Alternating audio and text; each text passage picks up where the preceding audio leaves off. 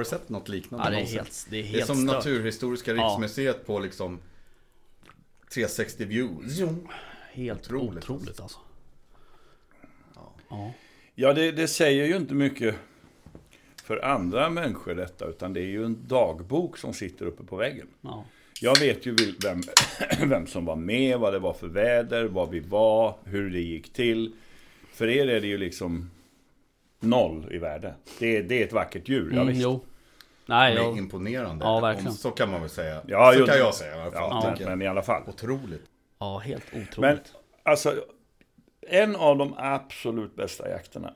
Jag kan säga att den är delad kanske etta, tvåa, trea. Den gjorde jag i år på den näst minsta antilopen som finns i Sydafrika som heter Sunni. Ja.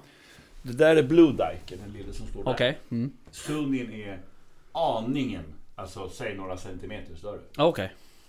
Eh, det var en av de bästa jakter jag någonsin har gjort. Det var den på Sunni i år. Och eh, man kan ju tänka att ja, för att uppleva sin bästa jakt då ska man jaga buffel eller Ja. lejon eller någonting. Men jag lovar dig, Sunnin slår mycket. Fan. Vi kröp i, ja, kan det varit, olika områden, par hundra hektar. Med tätt, tätt, tätt buskage. De lever inne i tätta buskage. Du ser Ja. dem aldrig öppet. Kröp med en hagelbössa med en svart guide som såg som en jävla berguv alltså.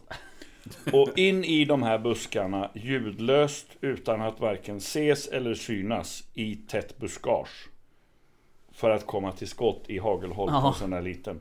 Vi höll på i fyra dagar från det innan det ljusnade på morgonen till det blev mörkt på kvällen. Fyra Shit. dagar i rad. Sista, alltså den fjärde dagens kväll. Ja, Då kom jag till skott på den som jag sköt. Och, herregud. Alltså, träningsverk är inte ordet. Nej. Du vet när man går, kryper och, och går i en ställning som man aldrig nästan har gjort. Du vet så här, Ja. alla möjliga vis, i, i fyra dygn nästan. Ja. Helvete vad jag var slut. Och de, man kan säga hur hög, hur hög är, hur hög är den, kan man säga, vad säger man, mankhöjd eller vad säger Ja man, men eller? du, vad kan den Alltså, där vara? 40 centimeter Ja, 40 eller på någonting. sin höjd. Nej, inte ens det. Nej, det är Otroligt litet 35 eh, kanske. Ja. vilt alltså. Ja. Eh, och eh, Sunnin är ungefär lika, precis lika. Någon centimeter större. Men jävlar vilken spännande jakt. Ja, Oh, häftigt. ja, fantastiskt. Så den får jag ju hem i, eh, efter nyår. Ja, Den nyårskonservatorn. okej. Du, de där skallarna som ligger bredvid. Är det babian eller? Eh, ja. Är det? Ja. En sån vill jag ha hemma. ja, jag väntar fortfarande på att skjuta en riktigt jättestor hanne som jag ska fullmontera. Ja, De två är stora hannar men de har jag råkat skjuta just i huvudet. ja okej.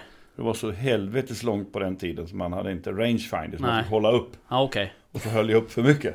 Okej. Eh, Kula, den ena kulan tog här och ut i hela bakskallen var Aha. borta. Oj då. Ja. Så Men det är en imponerande samling. Jag, jag, när man bara tittar på den här buffen så känns det som man blir nästan rädd. Man bara Mm. tittar på den och ser jäkla vilket stort Ja. djur alltså. mm. Jaha. Um, hörni, jag kanske ska berätta var vi är någonstans. Det tycker jag. Eh, vi är ju på uh, Drottningholm. I eh, Peter Willidus uh, troférum. Yes. Eh, och eh, kör veckans eh, avsnitt härifrån.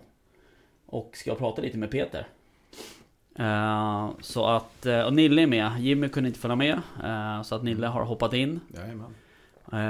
Och eh, ja, vi sitter här och... och Beundrar den ja, här verkligen. kan man säga. Ja, verkligen. Ja, den är, den är... Fan, mäktig alltså. Mm. Ja, det är fantastiskt. Ehm, men du Peter, tack för att vi fick komma hit. Kul att ni kom. Jätteroligt. Ehm, jag tänker att vi, ehm, för de få lyssnare vi har som inte vet eh, vem du är, så kan vi köra en liten presentation kanske. Eh, vem, är, vem är Peter? Ja, eh, jag föddes på Södra Mörkö som ligger alldeles Jaha. nära Tullgarn. Och eh, där växte jag upp. Jag flyttade därifrån när jag var 15. Men när jag var, ja hur gammal är man? Jag gick i, i andra klass i skolan och fick en sån här häfte. Man skulle skriva bokstäver, stora A och lilla A och så vidare. Och så fort jag fick ihop bokstäverna så skrev jag på insidan av permen När jag blir stor ska jag bli jägare. Ja. Och den har jag kvar. Jaha. Den skrev jag när jag gick i andra klass. Och där började det hela. Ja. Det fanns inget annat. Hade du jakt och, och natur i familjen så att säga? Nej, ingenting. Tidigt beslut. Ja, och var det kom ifrån, det vet jag inte. Nej. Men eh, jag hade bestämt mig. Jag ska bli jägare när jag blir stor. Och eh, jag har aldrig gjort något annat. Jag har satsat allting på Ja. detta i utbildningsstrategi. Ja. Och sen blev jag ju det. Ja. Eh, på lite kringelikrokvägar så att säga. Okej. Ja. Hur- börjar utbildningen, utbildningsvägen för det då så att säga? Ja, målet för alla som vill ägna sig åt eh, detta med jakt, det är ju Östermalma Mm. viltmästarskola. Mm. Eh, så är det ju, och den, den ska man ju gå. Eh, och eh, då, då skulle jag söka 79 var det väl första kursen. Och jag hade väl inte riktigt samlat på mig den praktik som krävdes. Det var ju väldig konkurrens. Mm. De tog in alltså 14 elever var tredje år. Jaha. Eh, och eh, ribban låg väldigt högt och Ja. jag hade inte fullt, så jag kom inte in 79, vilket Okej. jag egentligen visste att jag inte skulle göra. Men 82 hade jag samlat på mig ytterligare några år eh, praktik och Mm. så vidare. Så då kom jag in. Eh, och när det var färdigt då eh, blev jag uppringd eh, efter en, några månader av skolchefen eh, Lambart von Essen Mm som sa att jag skulle plocka ihop mina papper och eh, skicka dem till Drottningholm för att man skulle ha en ny hovjägare där. Och då gjorde jag det. Eh, det här var väl i början på augusti. Sen mitten på augusti så blev jag uppringd att jag skulle komma upp på någon form av intervju. Och så fick jag jobbet. Jaha. Så gick det till. Så du tog över. Vem var det som var här innan du? Ja, det, det tråkiga är att hade jag tagit över efter någon som går i pension så hade det ju känts bättre just då. Men min företrädare råkade ut för en olycka. Han Ja, bröt okej. nacken Jaha. och blev förlamad. Så just det ögonblicket kändes ju inte jättekul. Nej. Nej, så det. det förstår jag. Så var det. Okej. Mm. Men eh, började du efter skolan då? Eller var det här mitt under Nej, skolgången? jag, jag, jag jobbade som skogsförman eh, något år däremellan efter skolan och att, att eh, jag sa någon månad men det kommer jag ihåg nu att det var det ju inte. Det var ju nästan ett år emellan eh, skolans slut och, och att jag blev uppringd. Ja, okej. Ja. Hur kommer det sig att de, de liksom, alltså att du var ju ganska ung då så att säga. ja, jag var ju, vad var jag, 27, 28? Ja. Ja, Ja. klart, det är ju inte så jävla ung ändå kanske. Nej, ja, idag tyckte man ju att, Ja. att det var väldigt ungt. Men Ja. eh, så var det och det är ju 36 år sedan. Ja. Men eh, går man något eh, innan? Jag har faktiskt en son här som är 15 som har sökt till den här Öknaskolan där nere. Går man någon, liksom någon lantbrukslinje eller något naturbruksgymnasium innan man söker till Östermalm? Eller kan man bara söka dit? Eller? Ja, det finns ju att, att skicka efter deras eh, eh, kravlista. Eh, då var det minst fyra års jaktelevspraktik och det var skogs eller och lantbruksskola. Eh, och sen eh, skulle då jaktelevspraktiken vara blandad så att man skulle ha fasanuppfödning, eh, man skulle ha jobbat på gods med, med riktig jakt med klövvilt och det skulle vara blandat elevjobb. Men eh, uppfödning av, av fågel var ett krav. Mm. Ja. Och det skulle vara minst fyra år. Oj, det är fan det är rätt lång tid ändå. Eh, Ja, då var det ju ingen lön för jaktelever, vilket det sen blev. Eh, De, Så man jobbade oavlönat menar du? Ja, mat och husdjur i fyra år. Jäklar. Ja, sen kom ju det här avtal att det skulle vara fackliga avtal och att eh, jaktelever skulle ha någon form av lön. Men det var före min tid. Lite andra tider. Ja. Ja, alltså nu för tiden är det väl, det är väl inte asbra lön kanske, men de, är ju, de får väl lön i alla fall. Ja, lön har de. Det, har de. det hade inte jag alls. Nej. Nej. Har du haft någon jaktelev här eller? Ja, Mm. jag har haft flera. Ja. flera. Mm. Jajamän. Eh, ibland är det bra men, men eh, ibland är det också ett besvär Mm. på något sätt. Ja. Har man fågeluppfödning och sånt där, då, då, då måste man nästan ha en elev. Men vi har ju bara klövviltjakt här. Ja. Eh, Och det känns som att det nästan inte behövs. Annat Nej. än om det är några större jobb som ska göras. Vi, vi har ju under årens lopp bytt ut alla jakttorn och då gör, Mm. gjorde vi det på en gång. Och, och då var det mycket jobb med att röja och bära ut torn och sådana saker. Då behöver man ju handräckning. Ja. Men i det normala jobbet behöver jag ingen. Nej. Nej. Nej. Nej. Okej. Eh, du, eh, hur ser ditt arbete ut då liksom på... Vad säger man? Förvaltningen?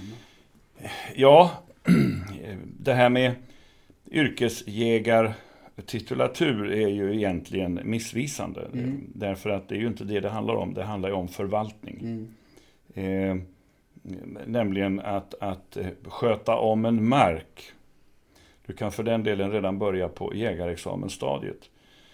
Många som, eller nästan alla som tar jägarexamen vill ju skynda sig så fort det går för att köpa en bössa och kunna ut och jaga. Mm. Det, det är precis som att man skulle gå någon form av kurs för att få ett plastkort som passade i uttagsautomater på Mm. banken. Mm. Utan att tänka på att man måste också sätta in pengar för att ha någonting att ta ut. Just det. Eh, Så förefaller jägarexamen idag vara för mig. Okej. Eller inställningen av eleverna Ja. eh, det. är lite grann så att eh, nu måste jag fort göra det här så jag kan få en bössa och en snabbkurs över en helg är ju perfekt för då kan Mm. jag jaga på måndag. Exakt. Just det. Utan någon som helst kunskap om vad viltförvaltning är. Nej. Om du har ett kapital på en bank och, och du tar ut lite grann av räntan varje år. Då kan du ju hålla på till du blir äldst i kommun, du har ju pengar kvar i alla fall. Ja. Men om du börjar ta av kapitalet Ja. så får du snart gå och sätta dig bredvid de här som har en burk och tigger. Just det. Det är ju där man hamnar om man tar av kapitalet. Och viltförvaltning är exakt nämligen samma sak. Okej. Skjuter du bort de producer- reproducerande djuren, då har du ju ingenting kvar. Nej. Och det har ju de flesta väldigt svårt att förstå. Mm. Eh, man ser ju på alla bilder på media idag. De här som skjuter sitt första vilt. Eh, och jag blir lika bedrövad varje gång. Det kan ligga en, en, en alldeles eh, fin ungbock eller en, en ett tredje huvud på en hjort som absolut inte skulle skjutas. Men, men eh, jippi, jag sköt min första kapitala, Mm. står det. Och så är det en, ett tredje huvud som ligger där. Mm. Eh, brist på viltförvaltningskunskap och brist på eh, eh, varje arts utveckling, hur, Mm. hur man ser att den ska skjutas eller inte skjutas. Sen har etiken, tycker jag idag, fullständigt havererat när det gäller jakt. Okej.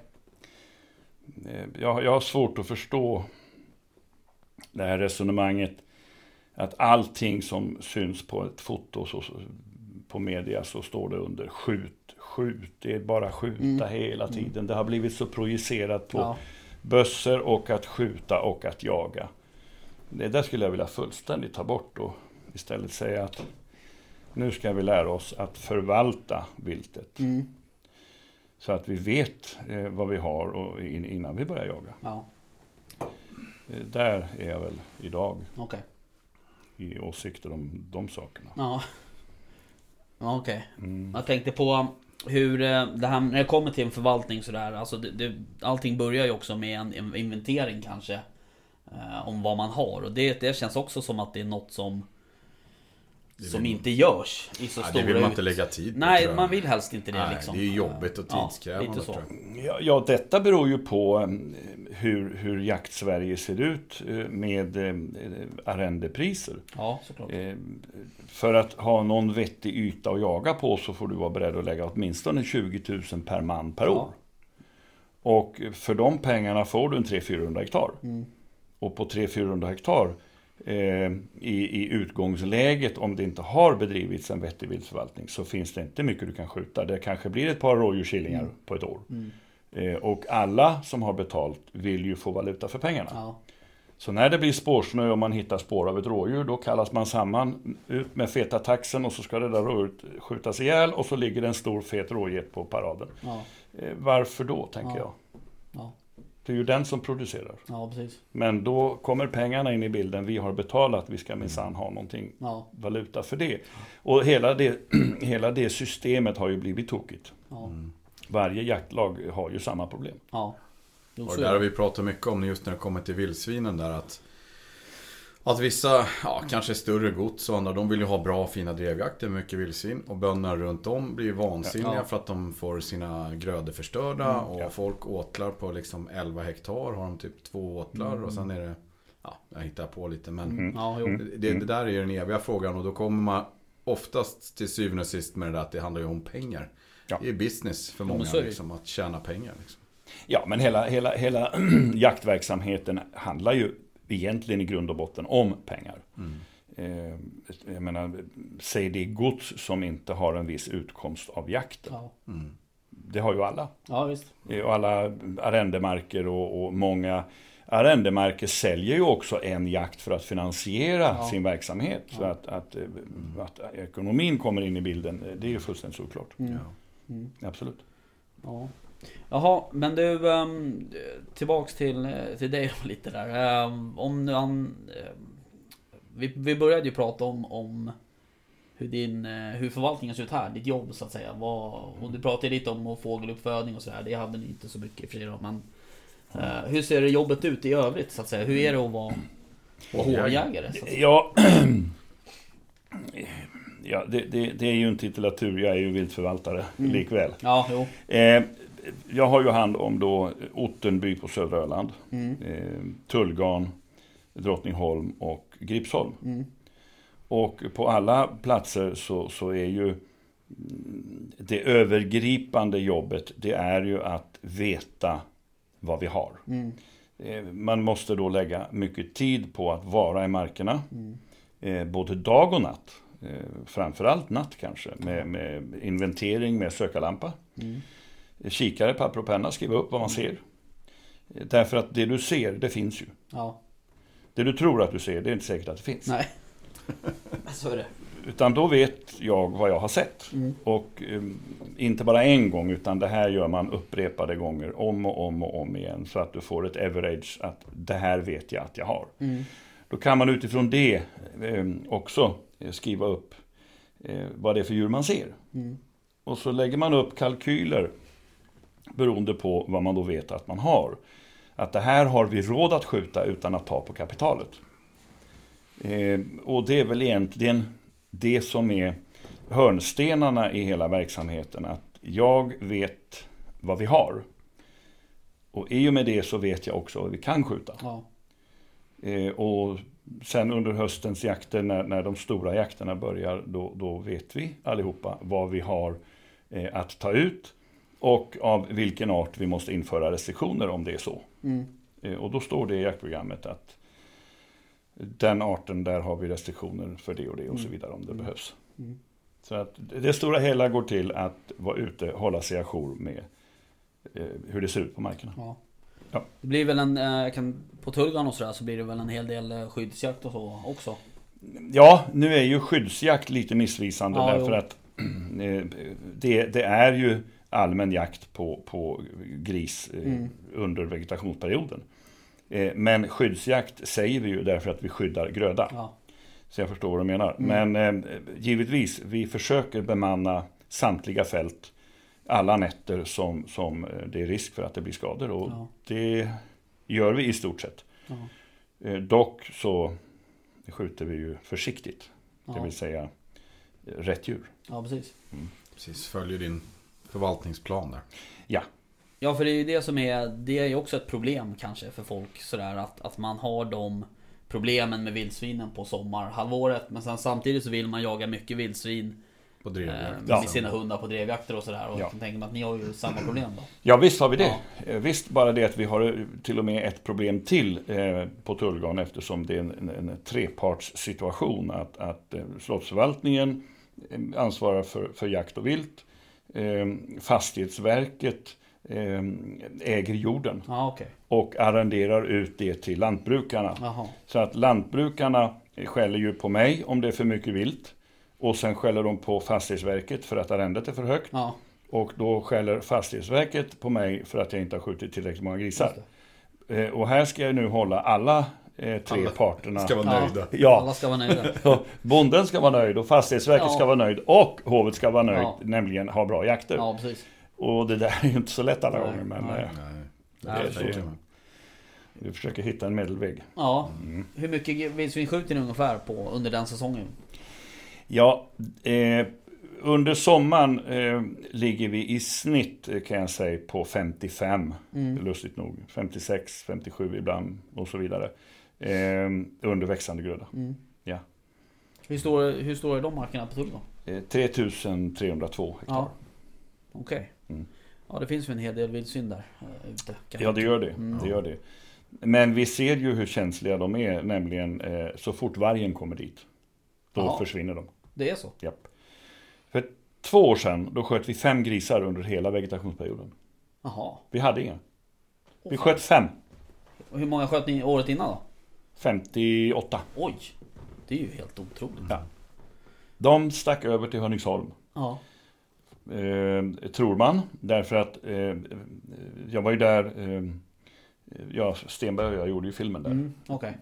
På, vi blev bjudna på deras tackjakt. Mm. Och det sköts ju nytt rekord på, på tackjakten. Då tog vi ju inte de bästa såtarna såklart. Nej. Utan det var ju utkanterna. Vi sköt ju ändå, jag tror det var 58 grisar. Ja. På tre såtar. Ja. Eh, och de hade aldrig sett så mycket gris. Jaha. Någonsin. Eh, för där var ju ingen varg. Nej. Men det var det konstaterat på andra sidan då? Eller? Ja, ja, ja. Det var ju hur många observationer som helst Ja. på Tullgarn eh, redan eh, tidig förvinter och vinter. Och jag tror helt enkelt att suggorna är så pass intelligenta så att stryker vargen omkring när de, när suggorna eh, håller på att förbereda sin, sin eh, kultingperiod. Då går, lämnar de området. Ja. Då drar de med sig sin flock och sen hittar de ett område där det inte luktar varg. Och, Nej. Alltså, man får den känslan. Sen Ja. om det här är sant Nej, eller precis. inte, det vet inte jag. Nej. Men eh, det var så väldigt tydligt att eh, sommaren efter där, då, då hade vi vi hade ingen gris kvar. Ja, vi sköt ju fem. Ja. Och hur påverkas det andra viltet där och när vargen var där? Jag tänker på dov och kron och mufflon finns väl också? Ja, vi hittade väldigt mycket slagna mufflon. Det gjorde vi. Det gjorde vi. Eh, Vi märkte ju att stammen gick ju ner, eh, den halverades ju. Ja. Eh, Så är det. Men dov, jag tror vargen har svårt att ta dov, eller också bryr han sig inte om den. Det, det, det, är nog, det är nog för mycket arbete, de är så snabba. Vi har nästan aldrig hittat slagna dov. Nej. Nästan aldrig. Lotagna kalvar har vi hittat en och annan, men inte av varg. Okej. Nej. Ja, för det vet jag ju i Bie, där de här varghybriderna och det höll till. Där fanns det ju då, eller fanns det, förlåt, mufflon. Mm. Och de, de är ju liksom, eh, de är väl säkert inte vana så att säga. Och sen är ju- det ju, det är ju Men de kan ett inte springa. Nej, precis. kan det, inte det är springa. Exakt. tacksamt vilt Mm. att Ja, kliva precis. på. Det är liksom... Så att den, den mufflonstammen, eh, den vart ju liksom decimerad. Så att säga. Ja, lika det med Mölbo, den försvann ju också Ja. när vargen kom. Ja. Ja. Det är det lättaste för dem att ta. ja. Men finns allt klövvilt på, på Tullgarn? Ja, men eh, kron... Ja, allt utom vildren. Ja. Hur ser älgstammen ut där Den är väldigt dålig beroende Ja. på att vi har inget vinterbete överhuvudtaget. Nej, okej. finns inga ungskogar whatsoever. Och, och på sommaren då går de dit och äter havre Mm. från närområdet. Men sen på vintern då vandrar de därifrån. Eller Ja. tidig höst till och med. Vi har nästan aldrig någon eh, älg under hösten Nej. heller. Väldigt dåligt. Ja. Eh, Men det kanske blir bättre om man hugger ner lite och planterar upp eh, Ja, nya precis. tallungskogar och så vidare. Ja, de gillar ju hyggen och så. Mm, För precis. det vet jag på min mark i Sörmland där så fick jag en hel del nya hyggen. Jo.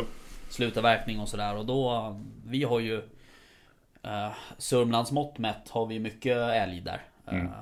Så att säga. Och den, ja. Så det är ju det är roligt. Det är kul det att se. märker man ju också vid avverkning på den lilla plätten där jag jagade Roslagen där Ja. och avverkade markägaren där och det, det var ju som en älgåtel. Alltså. Mm. De var ju där och ja, hur stod och betade mycket, eller beta, men de stod och åt hur mycket som helst. Ja. Mm. Men du, eh, eh, svensk jakt då så att säga. Är det, vad är favoritjakten i, i, i Svedala? Ja, vildsvin eh, jorden runt. Ja. Alltså vildsvin det, det slår allt. Ja. Egentligen vet jag inte varför, men Nej. antagligen är det att de är så oberäkneliga och eh, när de kommer farande i snö, det, det är någon form av... eh, Det, det rycker i fingret med Ja. detsamma. ja vis. det, det, det går inte att låta bli. Nej. Nej, det sitter ju en rätt saftig pjäs där bakom dig Nille. Ja. Nu, Ja, till exempel. Sverige Ja. är ju inte tillräckligt nog, Nej. utan det där är ju Karpatiska bergen dit vi åker, eh, vad är det nu, 27 år i rad. herregud. Vad, vad, är, vad är levande vikten på den där? Den vägde 280. Den hänger i vågen 280. Det är ju helt sinnessjukt. Herregud. Ja, det är den största vi har skjutit där under alla år och den Ja. rå- råkade springa på mig. Det skulle ni inte ha gjort. Nej, Nej. Nej. jag sprang den fel. Ja men det är ju bättre den sitter här än att den ligger och Ja. blir uppäten av en varg i Karpaterna. Här det kan ju alla njuta Ja, av den den, i är, rimlig tid. den är ju otroligt maffig alltså. 280 kilo. Så. Mm. Ja. Jaha, men ehm, ja det, det är vildsvin alltså. Men är det pyrschjakt eller smygjakt eller med hund eller vad? Ja, alltså nu är jag ju tillbaks i, Slo Slovakien uppe i Karpaterna. Ja. De här eh, eh, drevjakterna vi har där. Det, det är väl det som är, det är nummer ett för mig. Ja. Ja, det, Men det är drev, drevjakten med hund? eh, lite grann, lite hundar men det, det är mest drevgubbar som Ja, tjoar. precis. Ja. Men- Kombinerar man både hund och drev där? Ja, hundarna gör inte så mycket nytta. En och annan är oerhört duktig. Ja. Eh, väldigt duktig. Den, den ser man till och från. Eh, oavsett var man står så kommer, kommer den förbi med en gris. Eh, Medan andra hundar mest rotar omkring och, och, och, och bjäbbar. Och det, det, det är ju kul för skyttarna Ja. att höra att det skäller. Men, men eh, Det är mest störande tycker du eller? ja, det, det, är, nej, det är en underbar jakt. Ja, Ja, det är det verkligen. ja fantastiskt. Men de skiljer sig lite de jakterna från de i Sverige då? Mm. Eller med, med tanke på, det är väl inte så vanligt med är det, eller är det vanligt med folk som går i liksom, Drevkedjor. drevkedjor? Nej, så vi har ju mer hundar i Sverige och vi har ju, Ja. vi har ju framförallt mycket längre hundar än vad de har där. Mm. Eh, och och eh, mer intensiv hundjakt här kan jag tycka. Där är det ju mer drevgubbar Ja. faktiskt, så är det ju. Eh, men oavsett, eh, grisar på snö är vackert, ja. spännande. Men, alltså, det, det, det är väl det jag kanske skulle föredra sådär, men naturligtvis ut och sätta sig 16 augusti, det är ju Ja. inte helt tråkigt det Nej. heller. Eller mm, smyga på någon kud i Afrika, det är också ganska spännande. Mm. Så att allt har ju sin tjusning. Det är ja, så är det. Jag tänker bara när man sitter där så, Ja. du pratar om vildsvin men här ser man ju liksom enorma liksom, dovhjortar och ja, Ja. känns som hela Sydafrikas vilt det här. ja nästan. Nästan. Snart så Fattas kanske. fyra. Men du, eh, hundar, har du någon hund själv eller? Nej, den sista gick bort för några veckor sedan Jaha. och eh, jag kommer inte att skaffa någon ny heller. Nej. Eh, som mest hade jag 14 hundar. Oj då. Eh, samtidigt då när jag började det här. Då fanns det ju inte vildsvinshund. Nej. Eh, och ingen visste ju egentligen vad som var en vildsvinshund. Nej. Man Det, provade... ingen, det var inget begrepp. Nej, alltså vi, det, man visste ju inte. Vi hade ju inte haft grisar här och ingen hade ju jagat gris och hade erfarenhet av det hela. Utan man började ju att prova med den ena rasen efter den andra och, och det visade sig att mm, några var för veka och några var för tuffa och hej och hå. Mm. Eh, och sen nu under, under alla år så, så har det ju exploderat med, med hundförare. Och på våra jakter då ringer jag ju in dem alltså. 15-20 man med Ja. sina hundar och sen när jakten är slut så, så åker de ju hem. Ja. Eh, Och jag slipper ju allt arbete med Ja. hund. Eh, Sen ha- hade jag ju då den här gamla jämten nu som gick bort. Okej. Eh, Därför att rent privat så, så är det ju alltid trevligt att ha en hund. Mm, mm. Men nu är jag så gammal så nu ska jag inte skaffa någon ny hund för att eh, Alltså, ja. den, den, den hinner ju bli så pass gammal och jag med. Eh, så att då har jag gått i pension och då ska jag resa lite mer utomlands och Ja, sådär. okej. Men ehm, du, um, apropå hundar sådär. Det, ehm, jag vet ju att eh, du var ju med och tog in Koppo. Jajamän. Ja, vill du berätta lite om det? Ja, det var ju just av att jag hade jagat i Slovakien. Ja, Ehm, och eh, där fanns det ju några stycken fantastiska hundar. Ehm, jag var också nere på deras riksprov. jaha. Eh, och det går ju till på samma sätt som man jagar. Är, istället för skyttar är det domare. Okej. Och sen har alla hundar olika färgmarkeringar och varje domare som ser en hund skriver upp vilken färg hunden har. Och detta pågår ju i två dagar. Ja, Eh, Och då ser man vilken hund som har haft flest observationer av skyttarna. ja, Nämligen med gris. det. Ja, det måste vara mer vilt alltså. Ja, ja. Ja, Och då får man då fram vilken hund som har varit effektivast. ja okej. Den, den hunden som aldrig visade sig med en gris. Eh, den har ju inte varit speciellt effektiv. Nej. Eh, och, och det här var ju jätteintressant eh, när man fick se då de här riktiga kanonerna. Ja, Alltså de, de, de kom ju med gris hela tiden. Ja. Så fort grisen gick ur såten så vände de in, hämtade nästa Ja. och så ut med den. ja, Eh, och, och jag tänkte att det här kan ju vi behöva i Sverige. ja. Just Så jag började förhandla med dem där nere, men det, det var ju, ja, de tittade ju på mig som att jag frågade om jag skulle köpa deras barn. Ja. De trodde inte jag var klok. Det var ju inte på tal att köpa Nej. deras hundar. Nej. Herrejösses. Men eh, till slut så förstod de att det kanske var kul om vi kunde få starta upp eh, den här rasen här. Ja. Eh, så jag var ner och, och köpte fem stycken eh, dubbelchampion. Mm. Men då ska vi veta att det här är ju en av de yngsta raser som finns om man tittar Jaha. på rasen som sådan. Eh, Den är inte mycket mer än 100 år gammal. Okej. Eh, Och för en hundras är det väldigt Ja. ungt. Mm. Så ibland dessa valpar som föddes på, i en så ung ras så kommer det naturligtvis många som inte håller måttet. Nej. Eh, Man ser det framförallt på att de är olika, de är inte ras, alltså in- alla är inte rastypiska. Nej. Det är Olika väldigt många som blir för stora eller för Ja, små. Precis. Och så är det ju med, med eh, nya raser så att säga, de har inte stabiliserat sig. Nej. Eh, och sen eh, jaktdugligheten varierade ju också. Eh, men de som var bra, Mm. eh, eller är bra, de är ju helt fantastiska. Ja. Helt underbara hundar och socialt att ha Ja. inomhus alltihop. Ja, alltså jag jagar några gånger med Koppo och sådär och rent visuellt så tycker jag att det är ju, det är ju riktigt snygga hundar Ja, på något väldigt sätt. vackra. eh, Tycker jag. Ja. Eh, liksom och sådär. Men ehm, det är som du säger, de varierar ju lite i kvalitet. Eh, ja, det gör de. Och, och, och sen är det ju så också med den rasen som är så pass ny, den lämpar sig inte för vem som helst. Nej.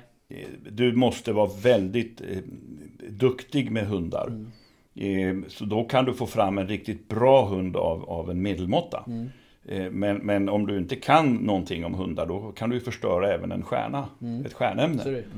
Eh, och det har vi ju sett exempel på Mm. bland alla raser. Eh, där där eh, icke-hundfolk har, har mer eller mindre förstört kanonämnen. Ja. Eh, apportörer till exempel, jag vet en tid på världen höll jag mycket på med apportörer och då kom det någon med någon labrador som sa att den här hunden är fullständigt värdelös. Ja.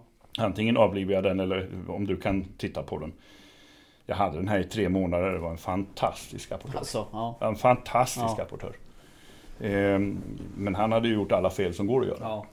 Så att det är det jag menar att, att Det Du är kan väl lätt- mycket som ska stämma också. Jag tänker det är väl inte bara för, alltså bara för att man har haft andra hundar. Alltså det är inte säkert att det passar en som person. nej, Nej, det ska är ju det. passa ditt lynne också. Ja men Det är precis, som jag med- menar det. Man Det ska är ju som med all bra... träning egentligen.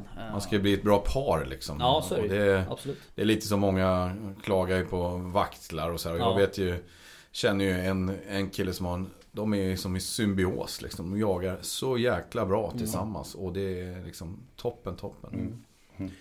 Precis, nej alla, alla ska inte ha hund och alla ska inte ha koppel. Nej, okej. Nej, jag är på jakt efter en ny. Eh, Jag hade en Münsterländer eh, tills för ett halvår sedan. Kanske något sånt. Eh, Men hon var väldigt, väldigt hård i skallet. Mm. Så att, och då fick hon flytta hem till en kompis till mig. Mm. Mm.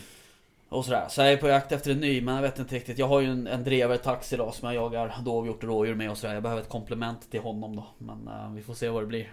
Jag håller på och förhandlar hem om att få ta hem en tysk terrier. Men Ja, Hon men hade ju är- sagt något om att, ja, ja, du får välja. Ja exakt, hon har ju sagt det att kommer en tysk hem då flyttar jag ut. Ja, jag där är du inne på ett intressant spår, nämligen eh, vilken typ av hund eh, som är lämplig för, för till exempel våra större jakter. Mm. Eh, vissa såtar, där vet jag att eh, det är betydligt mera dåvilt än eh, vad det är gris. Ja, Eh, och dov överlag vill jag att det skjuts mera på, på jakterna. Eh, det här med grishundar har ju på något sätt tagit över. ja, Alla ska ju ha en grishund. ja. Eh, jag tror att man ska nog börja tänka om nu. För nu börjar doven på många ställen bli alldeles överflödiga. Ja. Så att man ska nog titta lite mer på att ha hundar för dov. I alla fall för de som är marklösa och kan få fram bra dovhundar. De skulle få väldigt mycket uppdrag Ja. på drevjakterna. Ja, just det. Och det var ju lite det som hände med de som hade duktiga liksom spetsar och ställande hundar och grishundar Ja. för ett tag sedan. Ja. Men jag kommer att kalla in de som har riktigt bra dovhundar i betydligt större utsträckning än vad jag kommer att kalla in grishundar. Mm. För grisarna åker ut ändå. Ja, Men doven springer bara runt, runt och så står de kvar. ja precis. Så där behöver man ha hundar som är ihärdiga och inte blir yra i huvudet när de springer Nej. 15 varvet runt samma gran. Nej, så är det ju. Eh, Ungefär så. Ja, ja det är det Ja, verkligen. men Doven är ju väldigt speciell sådär och det märker jag ju på Alfons, alltså min, min eh, Drax då.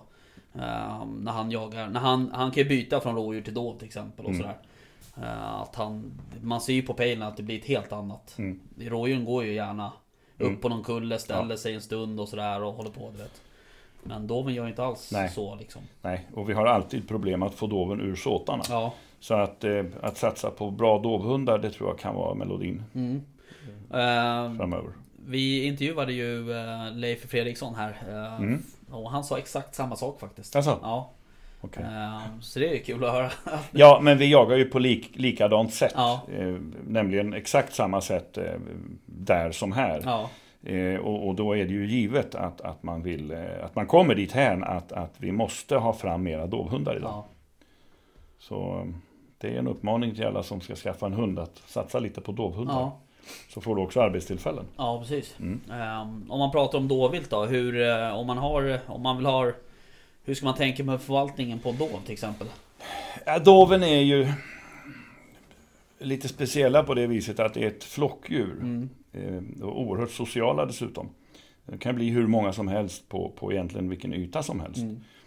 Men jag tror att eh, det som är viktigt när det gäller dov, det är att du ska aldrig gå under ett könsförhållande 1 till 2. Därför att ju färre handjur du har, ju sämre eh, avel blir det Ja. så att säga. Därför att dovviltet är väldigt beroende av att få mäta sina krafter innan parningen. Mm. Eh, Vilket alla djur gör och eh, grundtesen i hela våran existens och allt levande liv på jorden var från början när vi kravlade upp ur den här dyngpölen som grodor för oss som tror på den religionen. Mm. Då skulle vi slåss med varann och den starka skulle para sig. Ja. The strongest survive. Mm. Det, det är naturens mening. Eh, Sen, eh, utan att låta brutal, så har ju mediciner tagit över den naturliga eh, Gången eller... gången. Ja. Eh, Nu, nu överlever alla i stort sett. Eh, Och det var ju inte naturens mening från början. Inte att folk skulle eh, liksom överleva. Nej. Naturen är fiffig. Den, den svarar med olika medel Mm. eh, när vi blir för många. Vi har sett det, vi ser det nu med Mm. corona. Vi har haft ebola, vi har haft spanska sjukan och vi har haft aids och allting. Naturen hittar på saker för att den tycker att vi är för många. Eh, nog om det, men dovhjorten måste slåss eh, intensivt för att den starkaste ska para sig. Eh, och eh, det ska bli bra och starka kalvar. Och ligger du på för lågt könsförhållande, då får de här små pesarna chans att para sig. Mm. Vilket inte är bra, det har man sett på så många studier, det är inte alls bra. Nej. Men går du ut och tittar på en svensk mark där det finns dovvilt, så ser du 50 hindar i, i förhållande till ett handjur. Ja. Därför att sitter du i pass och det kommer en radda, det kan komma 20 hindar och längst bak kommer ett andra huvud. Just det. Då väntar skytten tills det där handjuret är i håll och så skjuter han på den. Mm. Eh, Även om det är ett så kallat guldämne eller en Ja. urdålig så är det den som åker ner. Ja. Urskillningslöst så är det den som åker. Eh, Då är vi tillbaka på viltförvaltning, vilket då är absolut regelvidrigt. Fullständigt fel. Ja. Du ska ha ett till två i könsförhållande på din dovstam om du ska ha en frisk och sund och stark dovviltstam. Ja. Eh, Så är det. Mm. När ska man förvalta en dovstam då? Är det på liksom, drevjakterna på hösten? Eller? Jag vet ju att många håller på med liksom de De skjuter ju dovkalvar på, på sommaren till exempel och under någon typ av Och skyddsjakt och kanske sådär. på, och- på hösten. Ja precis, men ja precis, det kan man ju komma till. Men eh, ehm, Ska man, eh, ska man liksom försöka ta dem på, på drevjakterna? Alltså, jag skulle vilja påstå följande. Eh, Under drevjakt så skulle man absolut förbjuda eh, skytte mot handjur.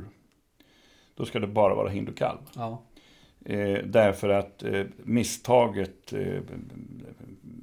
kommer... Du, du hinner ibland inte se, du Nej. hinner inte bedöma kvaliteten. Du ser en glimt av det, det är ett handjur, pang. Och så är det ett fjärde, femte huvud som om två år är en guldmedalj. ja, Och så skjuter du bort den. Dessutom ska den gå i avel eftersom den, den har så bra kvalitet. Mm. Alltså när vi talar om medaljer nu, jag, när jag talar om medaljer här så är det snarare ett uttryck för kvaliteten Ja. än, än att eh, ha trofé på väggen. Utan det. det är sånt som ska gå kvar för avel. Mm.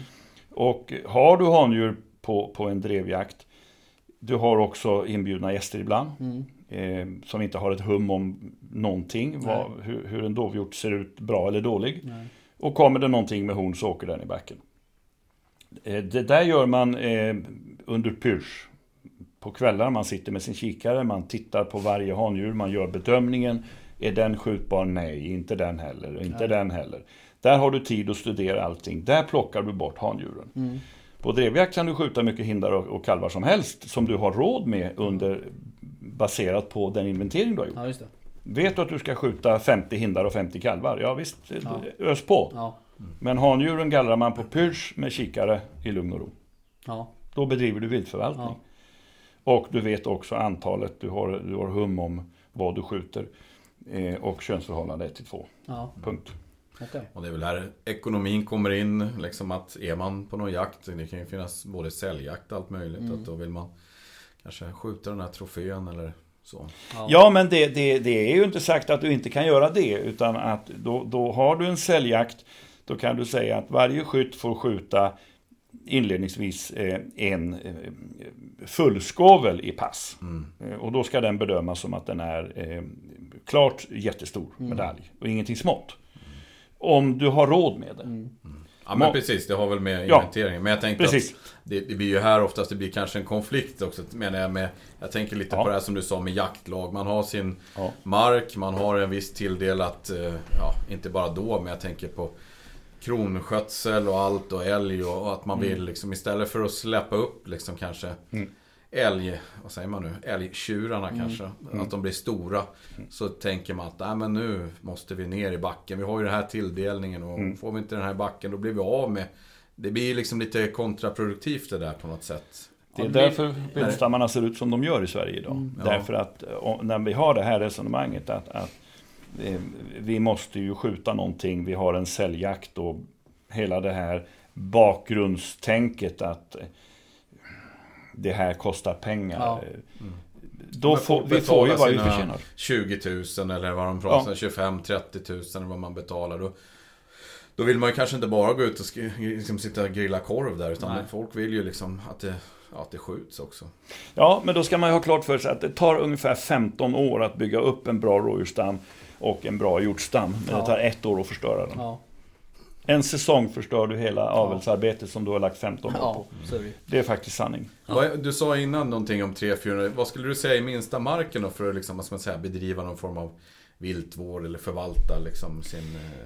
Det, det är oerhört Finns det något svårt. minsta... Ja, det är oerhört svårt att, eller? att säga hektar. Det beror på var marken ligger och hur det ser ut, vad det är för typ av mark. För jag- har du till exempel dovhjort, Mm.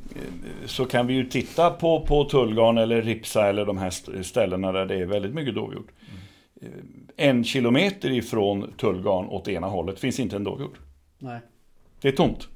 Finns inte någon. Lika med Ripsas grannar, det, det, det, de har aldrig dovhjort. Nej. Eh, Därför att dovhjorten är så stationär. Och lika som mufflon.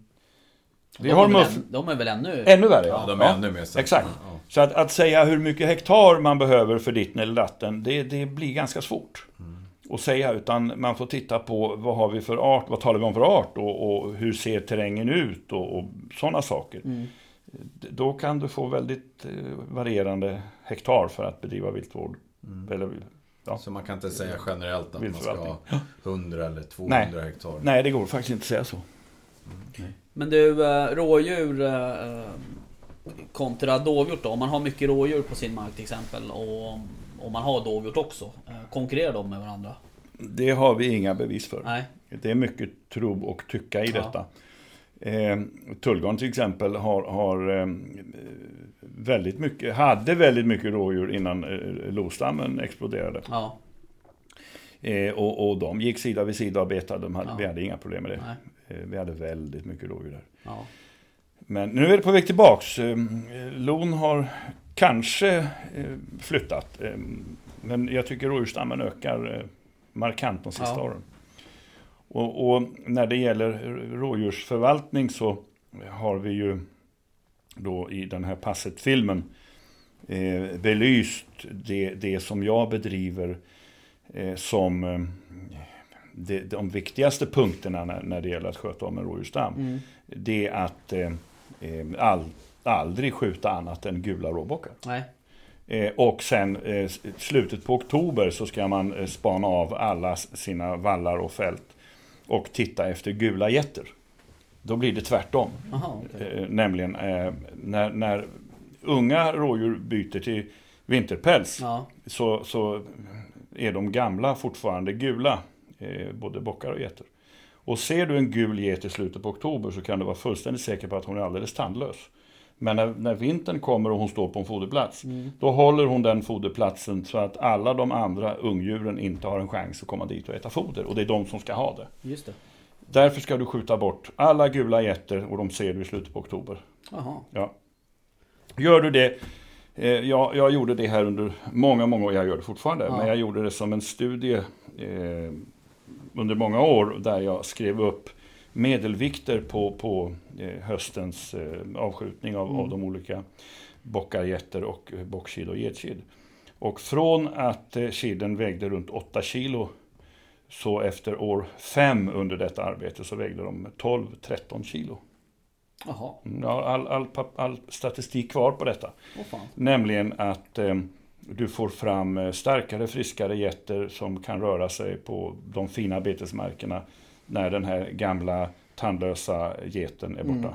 Mm. Så det är, väl, det är väldigt viktigt när det gäller rådjur att skjuta bort. De är väldigt revir, verkar ju vara väldigt revir... Nej, inte revir eller har de inte revir, men plats. Det är rangordning Ja, menar ja, jag. ja, Jag de säger fel ord, försvarar en plats. Ja. Foderplatsen eller bästa betesplatsen eller någonting. Det försvarar de gamla getterna. Ja. Eh, De ska du skjuta bort. Det där är ju någonting som man sällan hör, att man ska skjuta getter för att liksom få upp en stam så att säga, eller skjuta hondjur överlag. Ja, du ska veta att en, en gul råget håller samma eh, ytenhet som fyra unga getter med kid. Jaha, shit. Ja. Så du kan öka, öka eh, eh, Populationen eller? Alltså, du kan öka kapitalet med fyra gånger på samma ytenhet om du skjuter bort en gul get. För hon är elak. Titta på en foderplats på vintern så ska Ja, du jo, se. det man ju i och för sig. Hon motar med allt och alla Ja. kors och tvärs. Eh, och, och det gör hon året runt. Ja. Bara att det är lättare att se det på vintern. Ja. Men, ehm, och just ehm, när, när de ska byta från sommarpäls till vinterpäls så börjar de unga djuren att byta. Och då ser du att den är inte skjutbar. Men står det där en gammal get som är gul, Mm. Som Eld. fortfarande har sommarpäls alltså? ja, Ja. elda på den med en gång. Okej. Så ska du se, då kommer din rådjursstam att explodera. Ja. Mm. Jaha. Jag älskar ju att jaga rådjur. Jag tycker det är fantastiskt, ett fantastiskt vilt. Ja, visst är det det. Ja. Mm. Och har du dessutom en mening med det, ett syfte och ett mål, så Ja. blir det ännu roligare. Ja, så är det ju. Ja. Ja, eh, Fan det var någonting som swishade förbi här nu, någon fråga som poppade upp men nu börjar vi prata om annat. Ja, man kommer. pratar om rådjurssvänger kan prata om allt möjligt. Men... Ja, exakt. Eh, nej men du, ehm, om vi ska gå utanför eh, Sveriges gränser då, vilket är lätt att göra när man sitter i det här rummet. Ja. Ehm, du har ju varit ehm, över hela världen och jagat då antar jag? Nej, det har jag inte. Det är inte, inte alls hela världen. Men jag har varit i, i alla fall 65 gånger utomlands och jagat. Ja. Men, men Afrika har ju tagit den mesta tiden. Ja, ja, jag förstår. Om man säger så. Ja. Eh, det, det är ju, det är ju min, eh, min, min, min hemmamark, om man säger det på Ja. riktigt. Ja. Är det något vilt som eh, fattas då från Afrika? ja, det är Rowan Sabel, eh, Damara Diktik och Sharps Grysbock. Det är Okej. de fyra jag har kvar. Ja. Mm. Ja, jag- vet inte om jag har någon följdfråga på det. Sa jag Sabel? Sa jag Rowan och Sabel? Ja, Ja, då sa jag fel. Rowan och Sessebe. okej. Sabel har jag tittade på det när jag sa. Ja. Rowan och Sessebe, Sharps Grysbock och Damara Diktik. Det är Okej. de fyra jag har kvar. Mm. Eh, var, vart i Afrika är du, har du varit flest gånger? Eh, Alla dessa, förutom buffen, är från Sydafrika. Okej. Eh, Buffen sköt jag i Botswana. Ja. Det var det första viltet jag sköt i Afrika, det var buffen. Den här stora. Kulan hänger under halsen där i... i Ja björken. jäklar. Ja. Shit, Fan vad häftigt. Men du... ehm, Man blir helt mållös. Jag känner jag sitter helt tyst och bara tittar på det. Det är så ja, otroligt. det är lite så faktiskt. Ehm, men Sydafrika, det är favorit. ja, det är ju det. Eh, Jag gillar ju värme. Ja.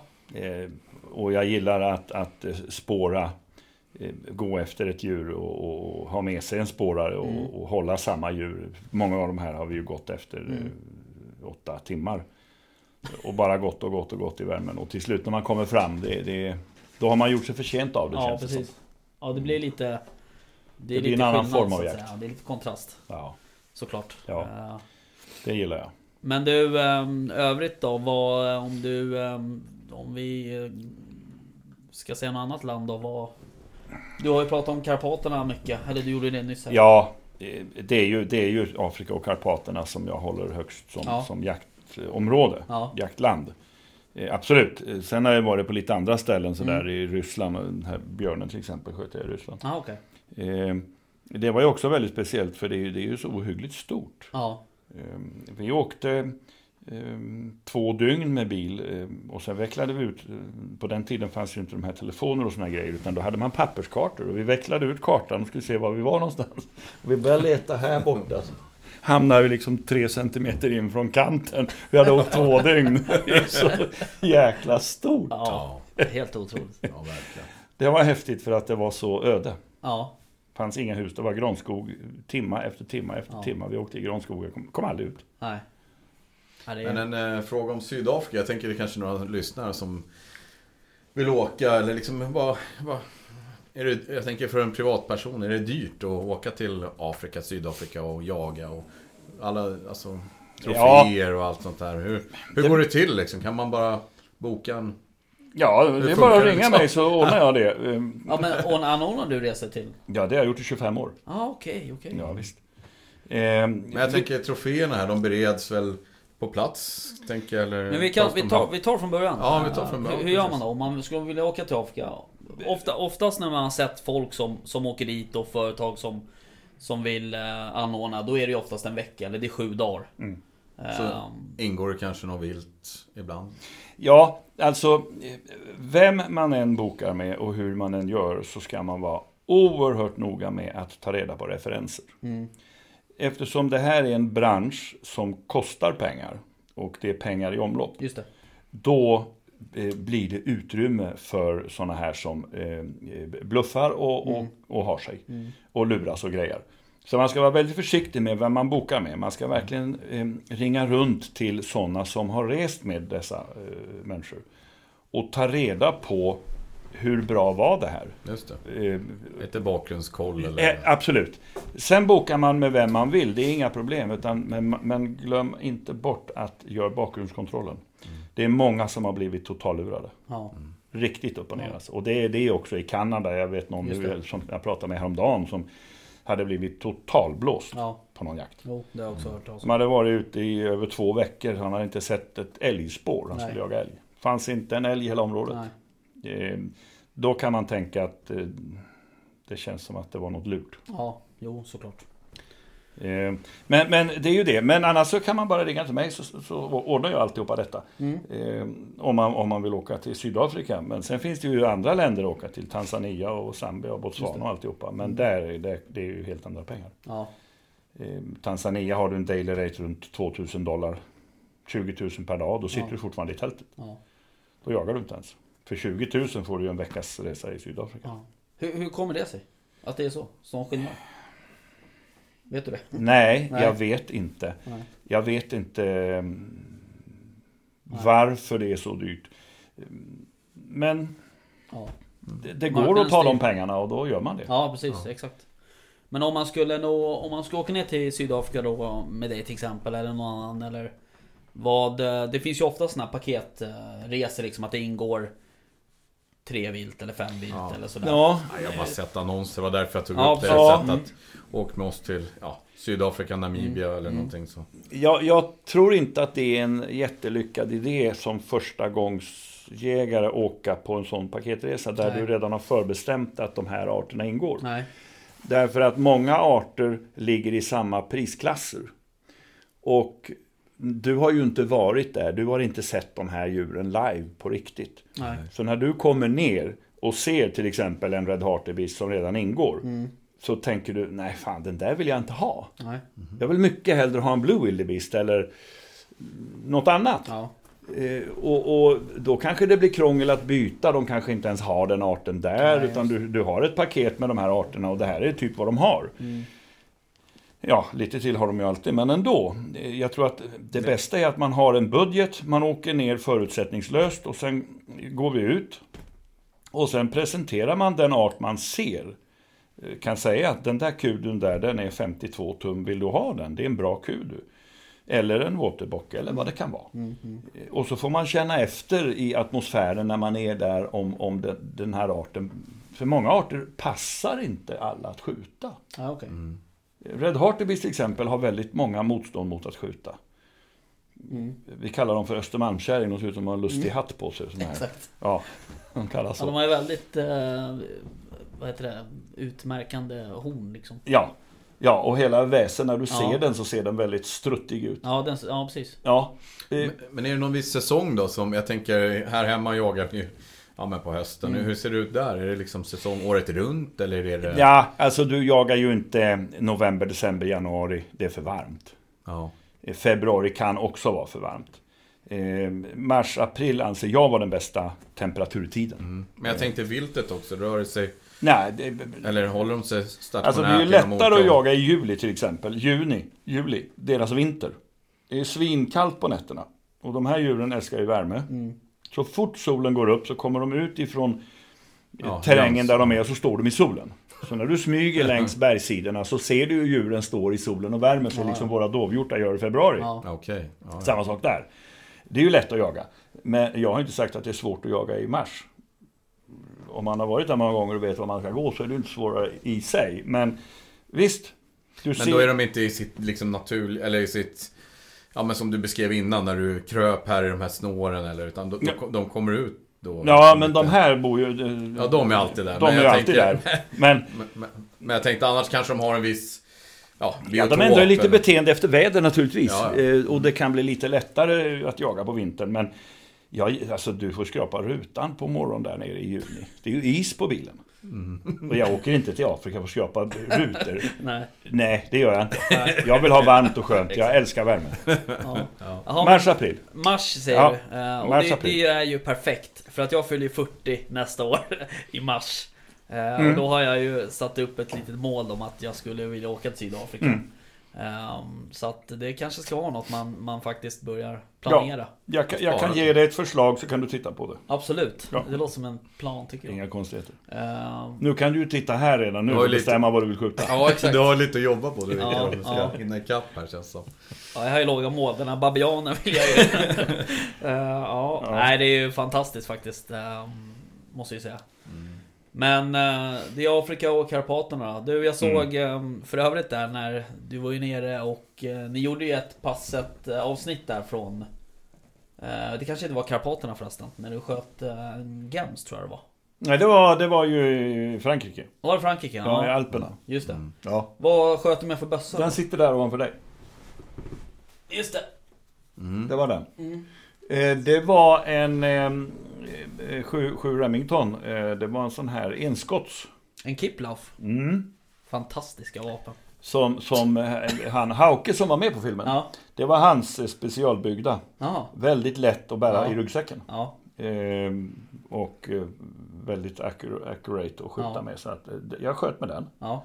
Eh, fantastisk. Ja, de är fantastiska. Jag har en egen. 7 Reming- sju Remington eller? Nej, En Kiplauf? 762. Ja, en Ja. Kiplauf. En um, Krigoff. Eh, jag älskar den mössan. Alltså, det med är den just, just det här med smygjakt och jag var ute igår och tittade efter bäver och sådär. De är ju fantastiska. Ja visst. Ja, visst. Ja, nej det är också just det där med bergsjakt är ju annars en, en, också en liten dröm faktiskt. Mm. Eh, Jag har ju familj och, släkt och sådär från Österrike och så. Så att eh, Okej. det är också något som är... Ja, den jakten kan jag ju bara säga. eh, Den som inte har gjort det ska göra Ja, Det såg väldigt fysiskt ut. Ja, det är ju det som är det roliga. Ja. Och de här guiderna, de gjorde ju allt för att trötta ut dig för att du skulle få plågas lite. Det var ju bara att bita ihop och gå. Visst var det jobbigt? Det Ja. var väldigt jobbigt, Ja. men så vackert. ja. ja. Men de verkar ha stenkoll på djuren där. Ja, det hade de. Eh, De Verkligen. där bergsguiderna. Otroligt duktiga. Ja. Otroligt duktiga. Ja, det är, det är häftigt att träffa sådana där Och sen är människor. det ju liksom. miljön är ju... Ja. Alltså den är ju... Mm, Man blir är mållös. Alltså, Ja. Det är underbart alltså. Magiskt. Men just 7 Remington, nästan, ja i stort sett 90% av det här som är här inne har jag skjutit med 7 Remington. Det mesta, jag har jagat mycket med den. Jag ställer en fråga som Rickard alltid brukar fråga. Vad har du i garderoben? Ja, just det. Va- Vapengarderoben. Ja, det, är- det, 7 Remington är ju det jag har skjutit i princip allting med. Eh, Alla grisar i Karpaterna, nästan allting i Afrika. Jag har haft den på Ottenby i alla år. Ja, allting med 7 Hur kommer det sig att du valt just den? Vad är det för bössa?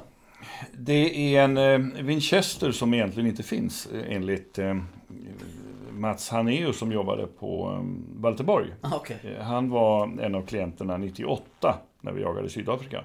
Han frågade samma sak. Vad har du för bössa? Jag sa jag har en Winchester modell 777. Ja. Och då sa han att den finns inte. han, han kunde nämligen allt om Winchester. Ja, ja. Eh, han hade böcker om Winchester och han, han eh, var Winchester-freak. Mhm. Är kanske fortfarande. Och då sa han, har du den här? Ja, den står i mitt rum, så jag. Han ville se den omedelbart. Och så tittade vi på den och han hade aldrig sett den förut. Nej. Det visade sig att det var en, en, en specialupplaga man hade gjort dem i 100 exemplar. Ja. Ehm, och eh, jag vet inte varför jag just köpte den där. Jag tyckte den kändes bra Ja. på den tiden. Köpte den i Tenhult eh, 1976. Eh, och sen ah, hade jag den till första pipan gick slut och så bytte jag pipa på den igen till en betydligt högre kvalitet eh, som höll lite längre och så sköt jag slut på den och så bytte jag till en pipa igen eh, och nu är den slut så nu kan jag inte jaga med den mer. Och då köpte jag en 308. Okej. Hur kändes det då? Eh, det kändes ju lite fjuttigt till en början. Men eh, allt eftersom så, så blev jag förtjust i den där. Ja. Och nu jagar jag med den. Okej. Eh, Den är, jag har- jag laddar ju själv så jag Ja, laddar ja. upp lite, lite högre hastighet så jag Okej. får upp lite anslagsenergi och bättre precision och sådär. Men eh, den går alldeles utmärkt. Ja. Ja, ja, ja. Även, eh, jag går även i utomlands med den här 308. Nej, alltså nu, nu har vi slutat ta med egna vapen okej. till Sydafrika. Av den anledningen att du får inte flyga inrikes i Sydafrika med Nej. vapen. Ja, Okej. Du kan komma till Johannesburg och du kan komma direkt till Cape Town. Men då, Mm. sen resten av tiden måste du åka bil. Okej. Eh, och då får du lägga en eller två dagar på att komma till vissa markerna eh, för att det är så långt bort. Mm. Eh, och då, då, då känns det ju dumt om man kan flyga dit och vara där samma dag. Mm. Men det, det går inte längre. Ja, Okej. Så att nu har vi bössor i camperna. All right. Eh, alla sorter. Ja. Så, så man behöver inte ha bössa med sig. Och dessutom så kombinerar jag ju alla mina resor med vingårdar och fiske Ja, ja, och ja. golf och allting sånt. Och då ska man ha bilen full med bössor. Ja, precis. Ja, när man gör andra saker, ni Ja, förstår själva. lite Det funkar kanske. inte. Nej, det funkar inte. Nej, så det, det här är ett bättre system. Definitivt. All right. Ja. Men du, apropå fiske där. Jag ser ju bakom dig där så är det ju... Ja, Det är ju En och annan en och annan eh, ambassadör. rulle där. eller? det är ambassadörer detta. Ja, det... Okej. Det började med att jag köpte den där. Ja. För jag skulle till Norge och fiska. Ja. Och jag köpte den i god tid. Och så låg den hemma och jag pillade lite på den. Och så tänkte jag, nej den här är för fin. Och, och fiska med. Jag vill inte ta ut den i saltvatten. Så jag, jag lät den ligga och så köpte jag en annan. och sen låg den där ensam. Jag tyckte synd om den så jag tänkte jag måste köpa en till. Och så köpte jag några till. Så nu har jag 110. Ja. Okej. Bara så. Och några fina guldrullar Ja, de också. där högst upp på träställning där. Är det någon... Ja. Är det guldrullar va? Är det inte? collection. De Ja, lite guldrullarna såna ligger där. speciella liksom. Det, det här är nämligen Orrefors eh, har ju gått i graven. Ja. Men innan de gjorde det så hade de eh, nämligen tänkt sig att göra en serie om 500 glas. Då konjak och öl och vin och champagne och snaps och, och, och whisky och alltihop. Och till varje eh, par av glas skulle det då vara en rulle. Okej. Och då gjorde man 500 exemplar av den här serien. Eh, och det tänkte jag, det kan ju vara kul att ha en sån serie. En sån. Just det, serien. Ja, hela Jag serien säga- alltså. Jag tänkte Ja. säga det. Hela Eh, serien. och sen se- det här 9-11, då gjorde man eh, 911 röda rullar till Firefighter och 911 till eh, polis. Så den heter Firefighter Edition och den heter Police Edition. Jaha. Och då gjorde man 911, sen gjorde man inga mer. Och då har jag en av varje av dem där. Så det finns 910 till nämligen ute. Häftigt. Så det, Men man fiskar inte med sådana. Nej. Nej, det gör man ju inte ens med den där som är Nej. tänkt för att fiska med. Den Nej, ligger det, ju är där. nog, det är nog många som har fiskat med den där. Det kan Ja. alltså den modellen. Absolut, den är ju tänkt för det. Ja, jag tror jag har någon sån här rulle faktiskt hemma. Men eh, det är annars en stor eh, liksom, passion för dig, det är att fiska. Ja, ja det är det. Jag Ja. fiskar ju så fort jag kommer utomlands och det är djupare än 10 meter så ska jag fiska. Ja. Eh, och djuphavsfiske är jag ju galen på. Ja. Hålla på och fjolla med någon sån här flugspö, då får man ju liksom ta på sig bh och sånt där. Det gillar inte jag. Utan jag vill fiska riktiga grejer. Ja, jag fattar. Jag vet ju att du på och byggde på någon båt där ganska Ja. länge. Jajamän. Ja, Ja, är den, jag... eh, Är den klar? ja, den är färdig. Ja. Jo, ja, vi var vid Landsort och trollade lax. Ja, okej. Där har jag varit dykt några gånger. Ja. Ja, det är fantastiskt. Ja. Eh, Nästa vecka ska jag åka dit till Landsort. och sen vet jag också att du brukar åka till Norge och fiska. Till... Oh ja. När vi spelade in passet där också tror jag. Just det. Söröja va? Ja, det gjorde vi. Tyvärr kom vi ju inte dit i år. Nej. Eh, tyvärr, det, det är första året på många år som jag inte kunnat åka dit. Och det känns i kroppen. Ja. Ja. Fan också. ja. Det, det är ju helt magiskt. Ja. Oj, oj, oj. ja, det var faktiskt en lyssnare till oss som hörde av sig och frågade om vi ville komma upp till Lofoten och jaga säl i augusti. Ja, Eh, Och jag har ju hållit på med dykning innan sådär. Jag har varit i Narvik några gånger och dykt och sådär. Och, alltså det är ju... Det är ju ja, herregud vilken, vilken natur och vilken, vilken liksom... ja det, det. Har, man väl, har man väl börjat åka Ja. dit så, så det, det går inte att sluta. Nej, nej, man, nej, man känner att det är någonting som fattas Ja. när man kommer till den tidsperioden. Ja. Jag måste iväg. Ja. Ja, det, det är så. Och hur är det där med fisket då? Det är ju samma, jag antar att du har koll på det också. Är det liksom dit du brukar åka, Söröja som är bäst? Eller är det liksom... Ja, i mitt fall, eh, jag har varit på andra ställen i Norge också, men, men eh, Söröja slår ju allting mm, vad jag vill att, eh, hur det ska vara. Mm. Och nämligen, det finns ingen bättre plats, om man säger så. Det gör faktiskt inte det. Nej. Eh, Både vad gäller storlek och mängd på fisk så är ju den norra delen bättre. Eh, säger alla. Mm. Och är det samma där? Är det också något du anordnar, anordnar resor till? Eller är det, Ja. åker du med någon annan? Eller? Nej, jag- jag, jag fixar det själv, allting sånt. Ja. Och det var ju nu 28 man som skulle åkt eh, första veckan i april. Ja. Men det gick ju inte. Nej. Och på våren, vad är det man fiskar? Är det skrejtorsk? Det är skrejtorsk. Det är den Och- som är Ja, målet. hälle. För mycket hälle. Ja. Förra året var vi 28 man tror jag också. Och eh, av de 28 var det bara två som inte fick hälle Jaha. förra året. Ja. Fiskar något i Sverige också eller? Ja, eh, det är ju Trollagös här emellan Ja. och sen eh, lax vid Landsort. Just det. Det är Ja, det den. sa jag. Mm. Sen lite abborre sådär utanför Tullgarn och så. Men gäddan är ju borta. Ja. Vi har varit ute flera gånger. Vi har, vi har inte fått ett napp på Nej. många, många dagar. Nej. Alltså det, det går inte att fiska gädda längre. Men de pratar väl, vi pratade om det i något eh, avsnitt här i podden, pratade om någon med skarv just. Jag vet inte, Mm. är det Mälaren drabbad då? Det är, är- Av skarv? ja, Att de finns ju här, vi ser dem ju. men inte så... Inte alls eh, så som det är i, Trosa skärgård Ja. framförallt. Det är bedrövligt. Ja. Vi hade ju den här herren med oss eh, på länk då. Han ville ju inte komma till oss eh, eftersom han var ju i riskgrupp och sådär. Men ehm, han pratade ju om att de söker sig ju liksom inte... de- Det finns ju insjöar i, i Roslagen där det finns skarv liksom. Och de Mm. åker dit och rensar fisk då. Mm. Ja, eller sjöarna på fisk Ja. Så att, Ja, vad sa han? Tre mils radie eller vad? Ja, det något var något sånt. som de bara... Mhm. Så, otroligt. Han sa det. Han hade en beundran som Ja, för han var skarven. Att det är fascinerad en av skarven otroligt samtidigt. eh, duktig jägare liksom. Mm. Sa han. De äter otroliga mängder Ja, fisk och duktiga på att jaga. Ja. Och, otroligt imponerande ja, fågel sa han. verkligen. Ja, alltså det ska man ju inte ta ifrån dem. Nej. Absolut. Nej. Men, men de får ju inte bli hur många som helst. Nej. Känns det som. Eh, Man kan ju undra vad, vad från början var deras naturliga fiende. För de måste ju ha någon naturlig fiende, annars skulle det bli för många på alla platser runt Ja. jorden där de finns. Ja. I, Norge ser man ju skarv också, men det är några stycken. Mm. Under alla år jag har varit där uppe så ser jag alltid bara några stycken. Ja. Jag ser ju inga kolonier. Nej. Men han pratade om det också lite att det kanske är min egna mål, eller vad jag minns bara, men just det här lite att när vi hade ett, eh, liksom ett lokalt yrkesfiske Ja. liksom i Östersjön, då hade man också en förvaltningsplan. Det fanns nog egenintresse på Ja, sätt. då skötte man om det här med fågel. Han menar på att hela fågeljakten har ju liksom dött Ja. ut lite grann, det här intresset. att det, det är inte så Ja. många som jagar kustfågel eller på det sättet nu som då. Nej, men sen ska När du veta, fiskar och det. vi har ju också en helt annan typ av myndigheter i Sverige än vad egentligen något annat land har. Ja. Eh, I andra länder förstår man hur man ska göra. Det förstår man inte i Sverige. Vi har inte den kunskapen bland våra politiker som man har i andra länder. Titta bara på fiskevården i Norge. ja. Som är världens bästa Ja. eh, fiskevård, rakt upp och ner. Eh, om du tittar på vad de fiskar och hur de sköter om sina kvoter och allt upp och, och regelmässigt och regelverket och allting. Sverige är ju ett u-land. Vi har ju inte kunskap för Nej. någonting. Alltså svenska politiker, politiker kan ju ingenting i de här områdena, varken jakt eller fiske. Det är därför det ser ut som det gör. Ja.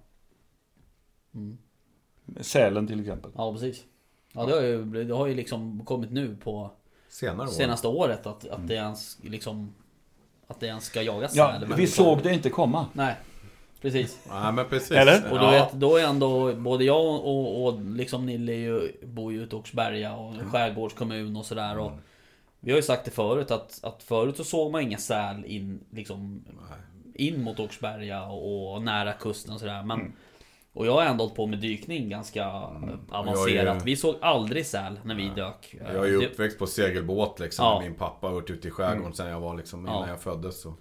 Men nu Och- kan man ju se liksom Alltså man får Ja, det- höra folk som ser dem i liksom Ja, men in i strömmen är det ju är ju säl. In Det är i ju säl vår, emellan. ja, i, vårt Ja. ka- i kanalen i Mäl, alltså Ja. i kanalen där i Åkersberga har man ju sett säl. Ja. Alltså det fanns ju inte. När jag var liten och var ute i skärgården då var Nej. det ju långt ute Ja, ut i havsbandet. Som man eventuellt skulle kunna ha sett Ja. någon säl då. Men nu ligger de ju, jag vet folk lägger ut nu. Man ser ju såklart mycket med de här sociala medierna. Ja, folk lägger ju ut bilder på liksom sälar som är väldigt långt inomskärs. Mm. Så att, eh, Eh, men du, eh, en annan grej som när vi sitter i det här rummet som jag sitter och tittar på det, det är den där perukbocken som är där borta. Mhm. Eh, hur, gör man, hur gör man när man konserverar en peruktrofé sådär? För det första så gäller det ju att hitta en perukbock ute i det fria. Ja, jo. Och när du har skjutit den, Ja. då stoppar du ner den i frysen. Ja. Alltså du capar den och, och, och tar av huvudet i atlas och så lägger du den i frysen. Mm. Sen ringer du till eh, Magnus i Örebro. Mm. Och så säger du att jag har lagt en bock i frysen, kan du fixa det? ja. En perukbock. Ja, Mm. och då gör han det. Okej.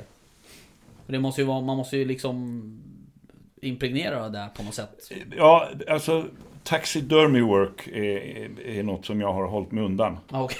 Eh, Det tar för mycket tid. Ja, Jag skulle vilja lära mig, men, men det har aldrig funnits tid. nej. Det överlåter jag till Magnus. Ja. Den där var ju otroligt vacker alltså. Ja, han är ju, eh, kan jag väl säga, idag Sveriges bästa konservator. Okej. Utan Magnus. snack. Eh, Magnus Jansson, Magnus Jansson. Mm. Örebro.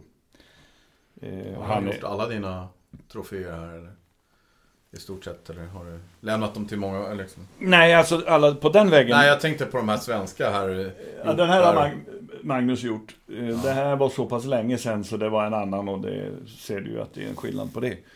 Mm, Eh, just det. Mm. Nej men eh, konservator.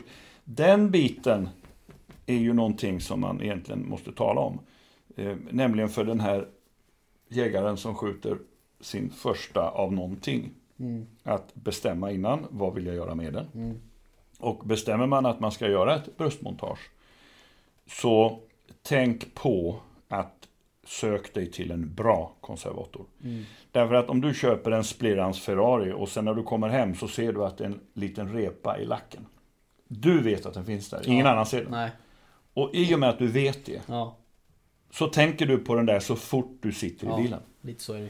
Och det är samma med en sån här trofé. Om ett öga sitter lite snett, Ja. ett öra sitter i fel vinkel eller bara lite snett. Ingen annan ser det. Nej. Du vet om det. Den trofén blir förstörd resten av ditt liv. Och det är inte gratis. Men de har ju sett vissa troféer, det ser ut som en bestraffning. Alltså vissa Ja. rävar och Ja, annat. nej, det är inte okej, alltså. som- Ja. Ja. Ja, det är, det är inte vackert. Det är faktiskt något som eh, vi har ju faktiskt planerat in eh, och, um, och prata med någon konservator eh, och avsätta ett helt avsnitt för det. Mm. För att det är en stor grej för, för många av våra lyssnare och, och, Oh ja. och framförallt kanske veta hur man ska bete sig efter man faktiskt har skjutit den här Ja. bävern eller Ja, vad ska man räven eller grävlingen eller vad det nu kan vara liksom. Och det är ju ett större jobb än vad man kan tro också. Om man vill få en... Ja, ett montage av, säg ett vildsvin eller någonting. Man ska ju liksom... Det är inte bara att man öppnar den som vanligt Nej. och tar ur den. Utan man måste ju tänka på, vad jag förstår som, Ja, eh, och det, det är ju någonting som är oerhört viktigt. Nämligen, du kan inte göra om det. Eh, alltså ändra dig om du tar ur ett djur på ett normalt sätt. Och sen kommer på att jag vill ha ett bröstmontage på den där. Då kan det i många fall vara för sent. just det. Så att det här är ju någonting som man måste lära sig tidigt om man vill ha troféer på väggen Ja. överhuvudtaget. Att man vet hur man ska bete sig. Eh, och sen att man får ner dem i frysen omedelbart. För det minsta lilla de får ligga så de börjar surna, då släpper håren. Sen är de förstörda i alla fall. De Men du, ehm, de här fyra viltet du har kvar då, vad tänkte du att de skulle få plats? Ja men det fin- jag ser ju målarfärg där borta Ja, till jag exempel. tänkte, ja, där finns det något grönt Ja. litet fält också du kan... Det går nog att knöka ja, ihop. Okej. Ja, det gör det. Det finns alltid plats för en till. Ja. Det här är ju annars ett fascinerande, den här vattenrådjuret där. Ja. ja. De är ju väldigt Ja, märkliga. Och, och jakten på dem är ju, är ju ganska lustig för att de står ju mitt ute på de största fälten som finns. Ja.